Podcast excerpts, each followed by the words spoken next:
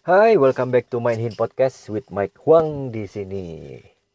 Ya, gimana teman-teman kabarnya? Uh, semoga sehat selalu. Teman-teman diberkahi dengan kekuatan, kesehatan dalam menghadapi kehidupan ini, apalagi di masa COVID ini ya.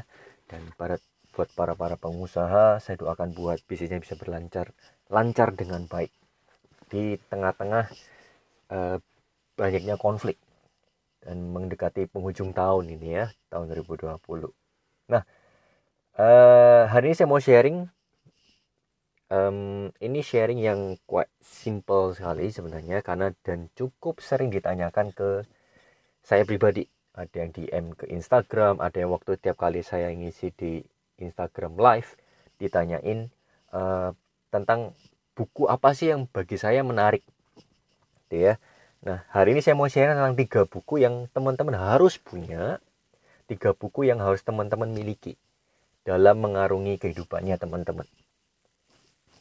Saya nggak bisa bilang dan saya nggak bisa ngejudge buku ini akan menjadi faktor penentu, tapi saya bisa bilang uh, buku inilah yang bisa merubah cara pandangnya teman-teman terhadap dunia. Teman buku inilah tiga buku inilah yang bisa membantu teman-teman bisa melihat orang lain itu jauh lebih berbeda. Teman-teman bisa melihat uh, punya um, different perspektif lah ya dalam kehidupan ini, entah itu bisnis, entah itu komunikasi dengan seseorang dan sebagainya. Oke, okay? so um, pengarangnya ini adalah pengarangnya dari ketiga buku ini sebenarnya sama semua pengarangnya. Tiga buku ini pengarangnya adalah diri sendiri. Yes, diri kita sendiri. Kitalah pengarang dari ketiga buku ini. Dan dari tiga buku inilah yang sebenarnya buku ini yang benar-benar uh, bisa membentuk diri kita. Baik lagi, saya nggak bisa ngejudge tiga buku ini bisa jadi faktor penentu. Tapi rata-rata dan menurut um, formulanya, tiga buku inilah yang memang benar-benar bisa merubah kehidupannya seseorang untuk menjadi lebih baik lagi. Finansialnya, kehidupannya, dan sebagainya. Oke. Nah, buku yang pertama teman-teman yang ingin saya mau sharing adalah buku tentang goal atau banyak orang selalu bilangnya adalah yang namanya dream book. Banyak orang bilang sering bilangnya adalah uh, vision board, papan papan tujuan, papan visi atau vision book kalau saya bilangnya. Oke. Okay? Nah, kenapa kok kita harus punya yang namanya buku ini? Saya percaya bahwa kalau teman-teman dengerin uh, di podcast saya di awal-awal ada yang namanya uh, the role of life atau setiap manusia itu punya perannya sendiri-sendiri. Dan menariknya adalah peran ini yang kita tentukan diri kita sendiri mau peran yang seperti apa dalam mengarungi kehidupan ini. Begitu pula dengan buku vision board ini atau vision book atau dream book ini. Kita yang menentukan kita ingin punya kehidupan seperti apa ke depan nantinya. Dan saya percaya bahwa hanya orang-orang yang punya tujuan kemudian dituliskan dan di, dikasih visual di sana itulah mereka-mereka yang bisa mendapatkan. Menarik sekali. Ya. Karena apa? Banyak orang pingin hanya sekedar pingin tapi tidak mau mengejarnya banyak orang ingin dan mau mengejarnya tapi tidak mau berkomitmen untuk mendapatkannya. Nah, dengan yang namanya dream book tadi, dengan namanya vision board atau vision book tadi, kita bisa belajar atau kita bisa selalu diingatkan tentang yang namanya tujuan kita untuk apa. Mungkin teman-teman uh, mau menaruh yang namanya, saya ingin deh pensiunin orang tua saya taruh di sana foto-foto orang tua kita lagi happy lagi jalan-jalan ke luar negeri misalkan. Atau lagi jalan-jalan atau lagi kumpul-kumpul misalkan. Lagi happy kita foto kita tempel di sana. Atau oh saya ingin punya yang namanya perumahan sendiri. Teman-teman foto satu perumahan atau cari di googling kan banyak sekali foto perumahan atau foto tanah. Teman-teman taruh di sana tulis saya ingin punya namanya sebuah perumahan sendiri ya dan kasih namanya klasternya ini ini ini ini sekian hektar dan sebagainya. Teman-teman tulis. Kenapa sih kok kita harus pakai yang namanya uh, dream book ini atau vision book ini? Karena impian itu gratis teman-teman. Karena impian itu gratis. Kalau yang gratis aja kita nggak kita gunakan kita nggak bisa maksimalkan apalagi yang berbayar. Simple right? Baik lagi. Contoh dia paling gampang. YouTube. Kita tahu sendiri pembelajaran di luaran sana sekarang di dunia sekarang informasi digital makin lebih gampang. Tapi berapa banyak mereka yang memaksimalkan hal tersebut? Kecil sekali. Kita bisa lihat YouTube sebegitu banyaknya memberikan edukasi. Tapi yang sering dipakai YouTube hanya untuk nonton yang gak jelas-jelas. Oke? Podcast misalkan. Banyak hal yang mendukung mengedukasi diri kita mengupgrade diri kita tapi lebih banyak digunakan hanya untuk let's say misalkan uh, just a music aja oke okay? atau hanya dengerin hal-hal yang uh, sorry nggak bermutu oke okay?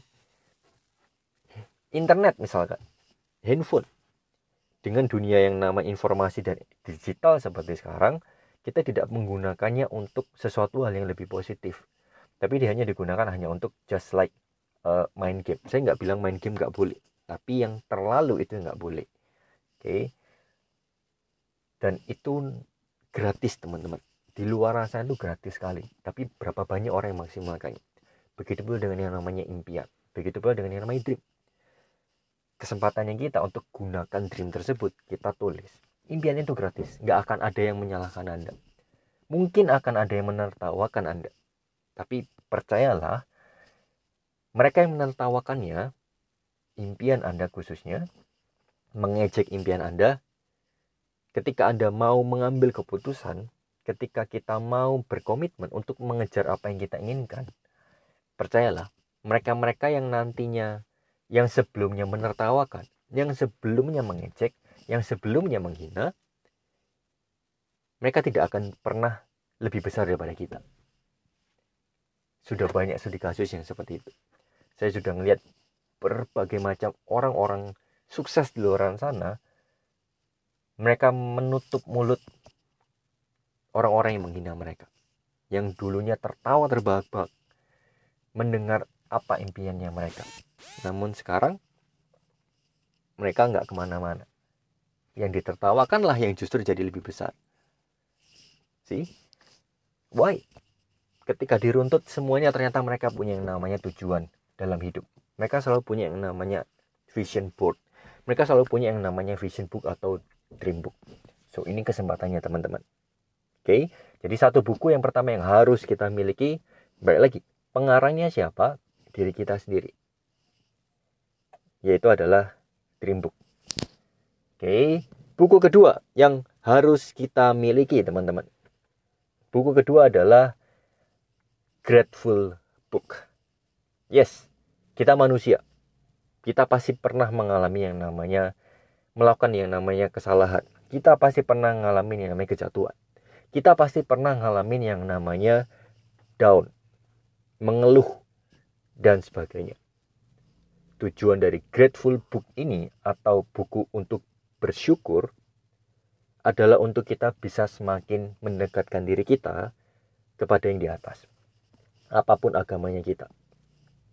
Apa pun agamanya kita. Ketika kita berani bersyukur setiap hari, berarti kita membuat mata kita, pikiran kita akan berfokus pada hal-hal yang ingin kita syukuri. Sejelek apa pun itu yang kita alami sih ada orang yang dilempar oleh kotoran sapi, dia marah-marah. Tapi ada orang dilemparin kotoran sapi, dia malah bersyukur. Karena apa? Dia nemuin untuk pasokan untuk yang namanya pupuk tanamannya dia. Sih? Sama-sama kotoran sapi, tapi yang satu bersyukur, yang satu tidak mau bersyukur. Dan menariknya, bersyukur itu punya otot di tubuh kita ini, di otak kita, di hati kita, itu punya otot yang namanya otot bersyukur. Yang namanya otot itu harus kita latih. Yang namanya otot harus kita yang namanya evaluasi. Begitu pula dengan yang namanya bersyukur itu tadi. Kita harus evaluasi terus. Kita harus latih terus.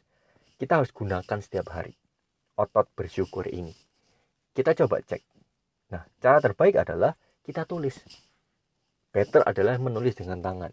Ditulis saya selalu sediakan yang namanya satu buku kosong nggak harus buku bagus kita tulis aja terima kasih Tuhan hari ini saya bersyukur atas hari ini saya atas nafas saya atas jem, jempol saya kelingking saya kelengkapan jari tangan saya kelengkapan alat tubuh saya kesehatan saya kemudian pekerjaan yang saya dapetin tantangan yang saya dapetin rumah yang saya miliki kendaraan yang saya miliki saya bersyukur sekali AC-nya masih lancar anda nggak sadar kalau begitu banyak hal yang bisa kita syukuri dari kehidupan kita dibandingkan dari apa yang kita keluhkan setiap hari.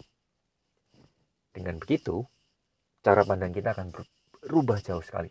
Ketika teman-teman diejek oleh orang lain, teman-teman akan tetap bersyukur.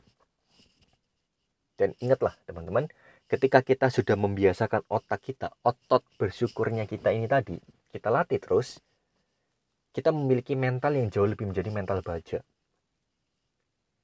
diinjak, dihina, tidak jatuh, tidak tumbang.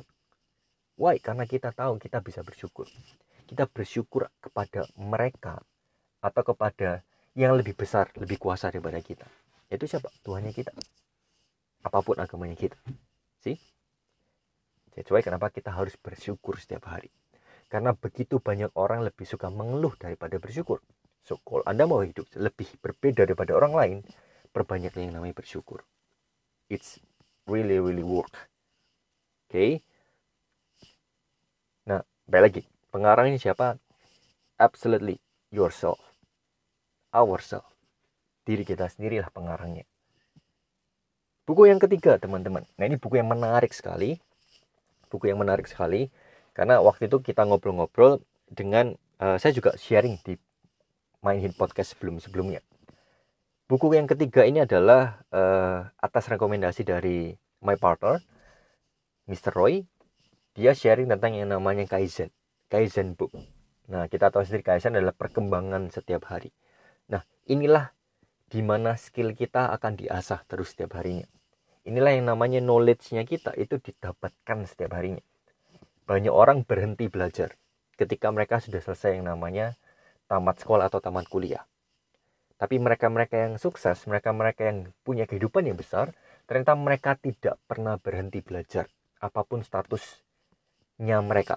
Entah dia lulusan SMA, lulusan SD, tapi ketika dia mau belajar terus, dia akan menjadi lebih pribadi yang jauh lebih baik daripada yang lainnya. See? So, Kaizen Book ini eh, teman-teman uh, tulis saja. Saya jujur saya bagi dua Kaizen saya. Yang satu for my snacking time atau my snacking brain saya kasih bahasa yang uh, cukup gaul tujuannya adalah untuk memberikan snack khusus ke pikirannya saya saya ketika ngeliatin YouTube misalkan like let's say um, Deddy Kobusier oke okay? saya ngeliat ada sesuatu yang nggak ada sesuatu nggak yang bisa saya pelajari oh ternyata just for my snacking time oke okay? just for refreshing my time atau refreshing my brain kayak banyolan-banyolan atau apa-apa it's okay for me tapi ada something yang saya pelajari dari sana saya catat oke okay. ketika saya potong rambut di tempat lain di tempat pertama kali saya baru datang ke sana saya catat di uh, snacking time tadi yang for casual nah saya makan apa pertama kali saya makan misalkan jadi kalau misalkan teman-teman nih sini saya gara-gara buku Kaizen ini saya bisa mendapatkan lonjakan berat badan saya. Karena dulu berat badan saya itu cuma bisa terpatok di angka 55 sampai nggak sampai nggak pernah sampai 60 teman-teman. Kenapa? Karena saya pilih-pilih makanan. Termasuk orang yang gampang pilih-pilih makanan. Makan ini nggak mau, makan itu nggak mau, makan ini nggak mau, makan itu nggak mau. Tapi ketika saya klik dengan yang namanya Kaizen, saya akhirnya berani makan yang namanya uh, pai buah. Saya akhirnya berani makan yang namanya sayur ini saya berani akhirnya makan paprika waktu itu saya yang saya selalu, selalu uh, saya hindari saya makan memakan sesuatu hal yang baru akhirnya tubuh saya connect dengan hal tersebut yang selama ini ternyata dibutuhkan oleh tubuh saya nah itu for casual kaizen for casual nah kaizen for future adalah peningkatan skill apa yang teman-teman pelajari di hari itu contoh misalkan Hari ini saya dengerin podcastnya uh, eh, Mr. Mike Huang sharing tentang tiga buku uh, yang harus kita pelajari, harus yang kita punyai dalam kehidupannya kita. Teman-teman catat. Oh bukunya ini ini ini ini ini ini ini something like that. Contoh misalkan saya habis baca buku uh, John C. Maxwell misalkan atau um, Simon Sinek misalkan Start with Why oke okay? saya tulis di sana so itu namanya Kaizen book jadi teman-teman bisa belajar di sana teman-teman menaruh sesuatu atau meningkatkan skillnya teman-teman itu di situ dari Kaizen book itu tadi so hari ini teman-teman sudah punya tadi tiga buku yang harus kita miliki dari kehidupannya kita. Yang pertama adalah Dream Book atau Vision Board atau Vision Book. Yang kedua ada yang namanya Grateful Book atau buku untuk bersyukur. Tujuannya untuk melatih otot bersyukurnya kita. Yang ketiga ada yang namanya Kaizen Book, yaitu untuk melatih uh, skill for the future-nya kita. Oke, okay? karena saya percaya bahwa orang-orang besar adalah orang-orang yang tidak pernah berhenti belajar. Nah, maybe next time saya akan sharing lebih dalam lagi tentang tiga buku ini. Saya akan kita akan bedah lagi kalau di vision board itu apa-apa aja yang kita bisa pelajari. Di mana kita bisa naruh lupa. Kalau do list kita masukinnya ke mana? Runtutannya ke mana? Kita breakdown semuanya. Oke, okay? itu bisa di uh, next time kita akan bahas di podcast yang berikutnya. Oke, okay?